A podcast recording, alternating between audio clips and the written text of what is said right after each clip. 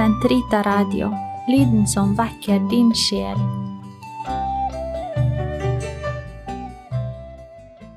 Kroppens teologi, en kommentar til pave Johannes Paul 2.s onsdagskatekeser av Eirik Ambrosius Stenhoff. Totus tuus ego sum, et omnia mea tua sunt, Archipio te in mea omnia, prebe mi cor tum Maria.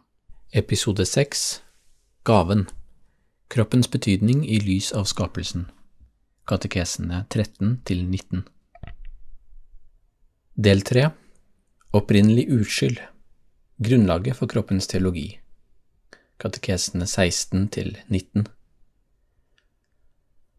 Pave Johannes Paul 2.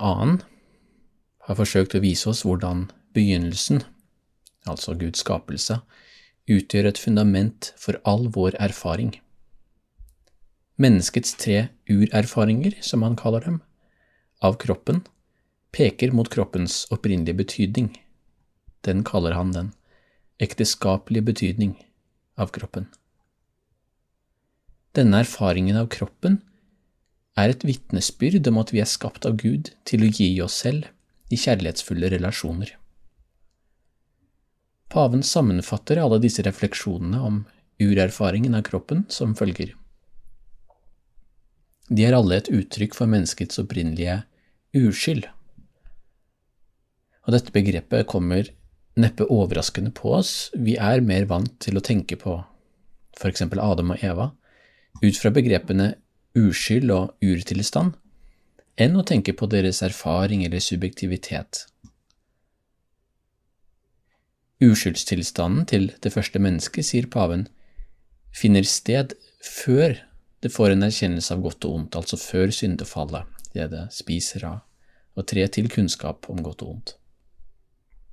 Menneskets hjerte er gitt en gave som aldri helt kan utslettes, og som i urtilstanden ble uttrykt ved at mannen og kvinnen var i stand til å gi seg selv hen til hverandre i oppriktig kjærlighet og den nakne kroppen som mann og kvinne erfarte uten skam, vitner på en særlig måte om denne uskylden. Fordi skapelsen ikke bare handler om noen objektive fakta om mennesket, men om menneskets subjektivitet, handler også syndefallet om en endring eh, i vår subjektivitet, altså vår erfaring av verden.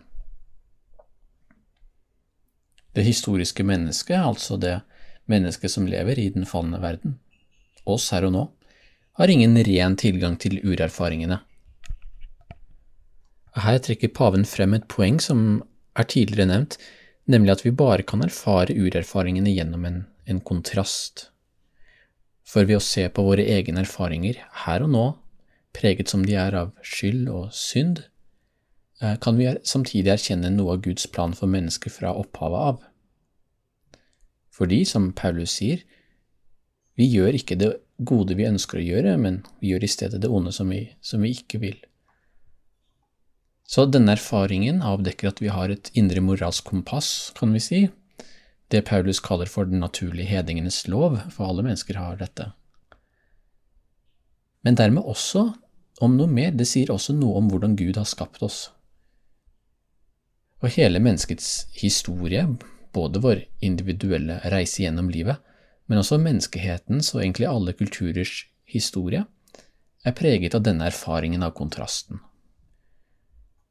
Den er dypt allmennmenneskelig, nettopp fordi den har å gjøre med skaperens kjærlige intensjon for hver enkelt av oss. I den opprinnelige uskyldstilstanden fantes ingen skam og ingen synd, og det er det svært vanskelig for oss å tenke men det er viktig at denne tilstanden forstås som noe mer enn en ren myte.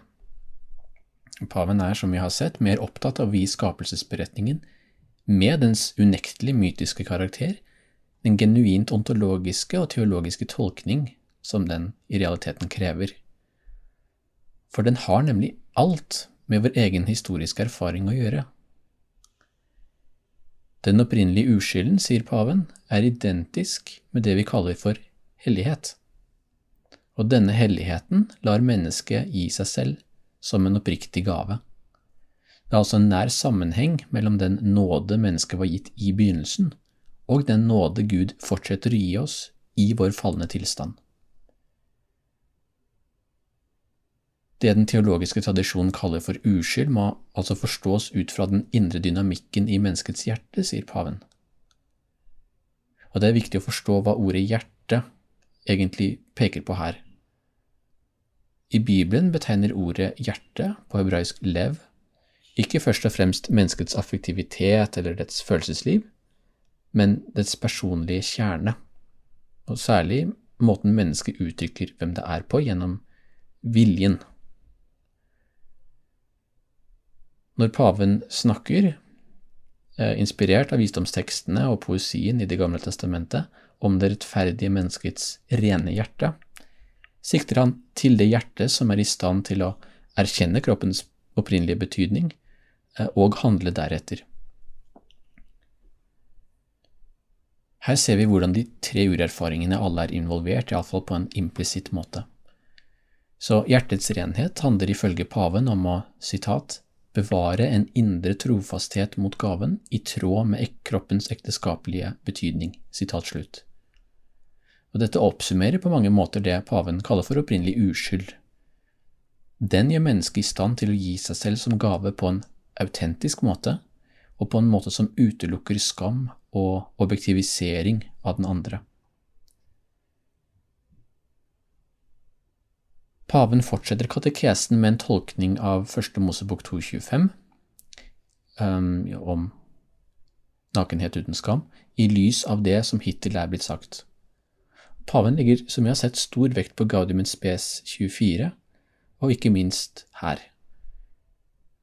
Den videre analysen av gaven har store implikasjoner for enhver ekteskapsetikk og moralteologi. Det vesentlige spørsmålet er nettopp er det egentlig mulig for mennesket å gi seg selv på en helt desinteressert eller uselvisk eller fullkommen måte?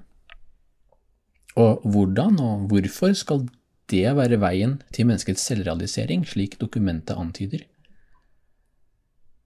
Paven begynner med å slå fast at gaven realiseres når mennesket bevarer uskylden, som er selve gavens kjerne. Og hva betyr det?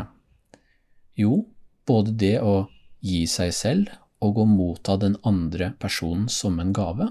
Her kan vi tenke både på et ekteskap og et vennskap. På en særlig måte ekteskapet, selvfølgelig.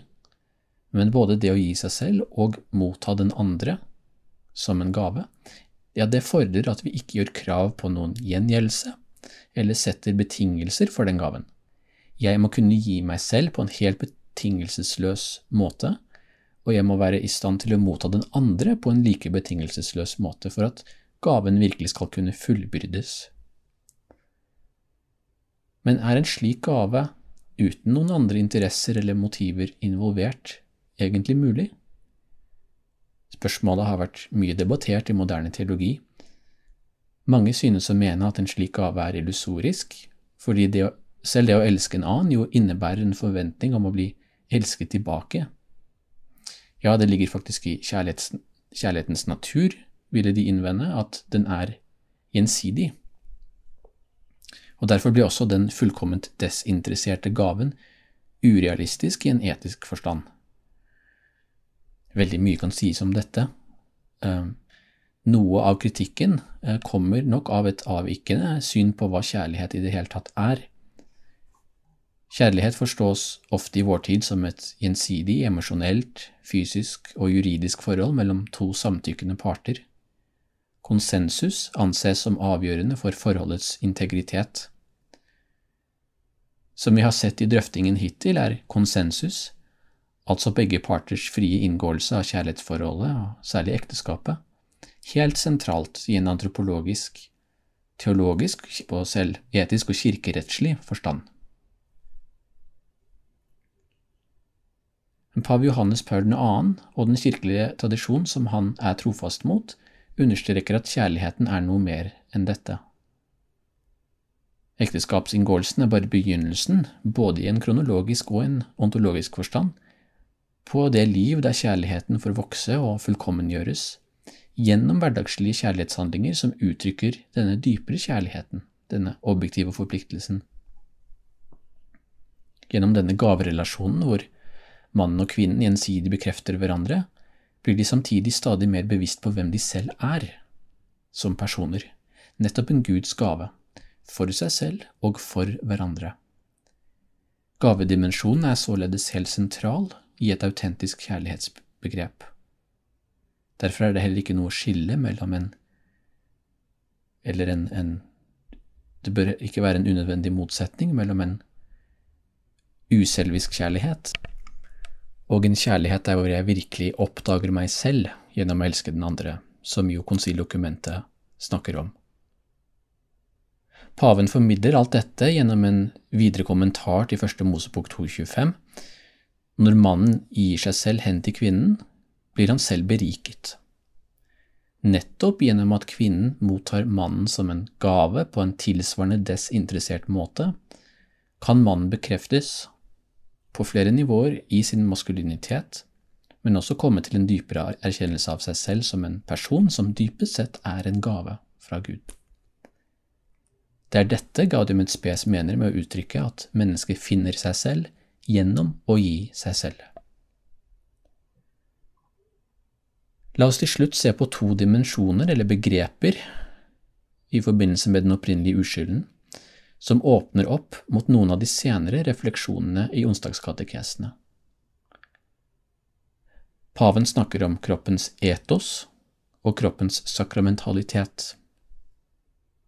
Som vi alt har sett, er første Mosebok 2.25 uttrykk for den uskyldstilstand som mann og kvinne befant seg i før syndefallet. Den innebar at de så kroppen for det den var, ment for et communio personarum for den oppriktige gaven mellom to personer. Etter syndefallet har vi mistet denne rene visjonen, så å si. Vi har mistet et blikk for, en kontakt med, kroppens opprinnelige betydning, slik den ble erfart i uskyldstilstanden. Men som paven stadig understreker, snakker vi ikke her bare om et tapt paradis, men en endring i hvordan vi erfarer selve kroppens mening og i denne forstand kan vi aldri igjen få tilgang til urerfaringene. Og han fortsetter med å si at urerfaringene er uttrykk for en spiritualisering av kroppen, som er gått tapt etter syndefallet. Vi erfarer nå en annen relasjon mellom kropp og sjel enn i begynnelsen. Det er selvsagt ikke en innrømmelse til Descartes eller en dualistisk mentalitet, Eh, poenget går utover dette. Han understreker at vi har mistet den harmoni mellom de ulike komponentene som utgjør hvert enkelt menneske, som var til stede i begynnelsen. Kroppens opprinnelige betydning er, som vi har sett, likevel ikke helt utslettet. Vi snakker faktisk om den samme kroppen som i begynnelsen. Derfor har kroppens betydning i uskyldstilstanden en normativ dimensjon for oss. Paven kaller dette for kroppens etos. Ordet etos har jo med etikk å gjøre, og peker på det substansielle grunnlaget for etikken, altså hvordan vi tenker om hva som er rett og galt å gjøre. En etisk handling må samsvare med kroppens etos, som igjen er gitt av kroppens betydning. Og kroppen er ikke nøytral, som vi har sett. Kroppen er ikke simpelthen noe vi råder over, eller eh, vårt intellekt bestemmer over, men vi er den kroppen som handler. Som vi skal se litt senere, må alle menneskets drifter og handlinger alltid orienteres etter og formes etter kroppens etos, og ikke minst eh, eros, altså den erotiske drift hos mennesket. Vi kommer tilbake til dette, som sagt, i den andre delen av triptyken, som handler om mennesket etter syndefallet. Og det andre begrepet paven snakker om til slutt, er kroppens sakramentalitet. Som vi vet, er kirkens sakramenter, de syv sakramentene, det er de nådetegn som er innstiftet av Kristus for å hjelpe den kristne på veien til helliggjørelse. Kroppens sakramentalitet må forstås analogisk i en bredere forstand. Kroppen er et tegn på Guds skapelse i den forstand at den uttrykker hans kjærlighetsfulle plan for verden. Paven sier at sitat, mennesket fremtrer i den synlige verden som det høyeste uttrykk for den guddommelige gaven, fordi det bærer i seg selv gavens indre dimensjon. Og dermed bærer det også sin særlige likhet til Gud inn i verden, og det overskrider og styrer sin synlighet i verden gjennom den, og sin kroppslighet, maskulinitet eller femininitet, og nakenhet. Sitat slutt. Så denne kroppen er det paven kaller for et ursakrament eller et opprinnelig sakrament. Sitat, det er et tegn som på en virkningsfull måte formidler i den synlige verden det usynlige mysterium skjult i Gud fra opphavet av. Sitat slutt. Ingen kan beskylde den kristne teologi for å være kroppsfiendtlig. Som vi vet, fra den, særlig den katolske ortodokse spirituelle tradisjon, er det kroppslige og konkrete i stand til å formidle Guds nåde på de forskjelligste vis til mennesket. Ja, kanskje mer enn noe annet. Gud er gjennom inkarnasjonen nettopp en som viser seg villig til å senke seg ned, bøye seg ned til vår materielle virkelighet, og gjennom den føre oss tilbake til seg. I den forstand er hele skapelsen et sakrament, et tegn på Guds godhet. Og det var nettopp gjennom kroppen at Adam og Eva kunne erkjenne hverandre som en gave, for seg selv og for hverandre. Kroppen er i dette perspektivet intet mindre enn et tegn på at Guds hellighet er trådt inn i verden, sier paven. Og i den grad vi faktisk deltar gjennom våre handlinger i den betydning som Gud har skapt kroppen til fra begynnelsen av, deltar vi også i Guds egen hellighet. I neste episode skal vi avslutte kommentaren til den første delen av triptyken om begynnelsen. Vi skal se nærmere på hva det vil si at mennesket er kalt til fruktbarhet og foreldreskap. Gloria patri et filio et spiritu i sancto, sicut erat in principio et nunc et semper, et in secula seculorum. Amen.